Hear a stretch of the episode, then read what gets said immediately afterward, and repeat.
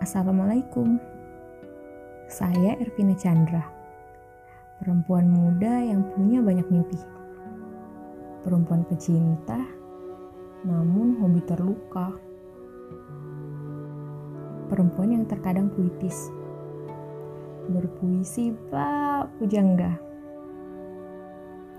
Mungkin ini salah satu alasan mengapa saya membuat podcast ini. Segala yang saya tuangkan dalam puisi adalah nyata perjalanan hidup saya. Nyata apa yang saya rasakan.